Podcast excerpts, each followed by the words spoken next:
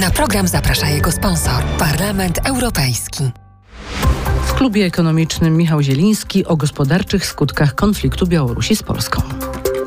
Właściwie nie tylko z Polską, ale z Zachodem. Od nowego roku Białoruś wprowadza embargo na import żywności z krajów Europy i Ameryki Północnej.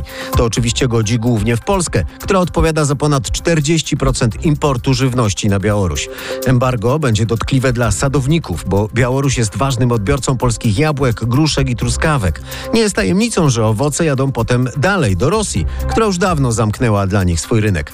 Mińsk odpowiada tak na sankcje nałożone przez Unię Europejską mówi przewodniczący delegacji Parlamentu Europejskiego do spraw stosunków z Białorusią Robert Biedroń. Jeśli chodzi o wymianę handlową w sektorach nieobjętych reżimem sankcyjnym e, Zachodu, to, to wydaje się, że tutaj ta współpraca będzie kontynuowana, ale tam, gdzie te sankcje były najszersze, czyli dotyczące na przykład produktów naftowych, te sankcje będą bardzo uderzały w reżim Łukaszenki i słusznie. Ostatnio handel się rozwijał i Polska stała się dla kraju za ogrodzeniem z drutu najważniejszym obok Niemiec partnerem handlowym w Europie. Większą wymianę handlową Białoruś ma tylko z Chinami, no i przede wszystkim z Rosją. Białoruś współpracuje gospodarczo głównie z Federacją Rosyjską i tam eksportuje głównie swoje towary.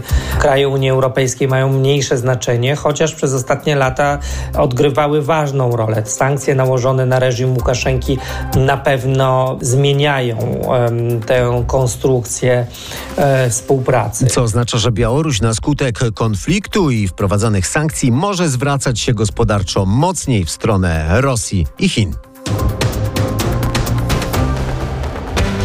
Na program zaprasza jego sponsor Parlament Europejski.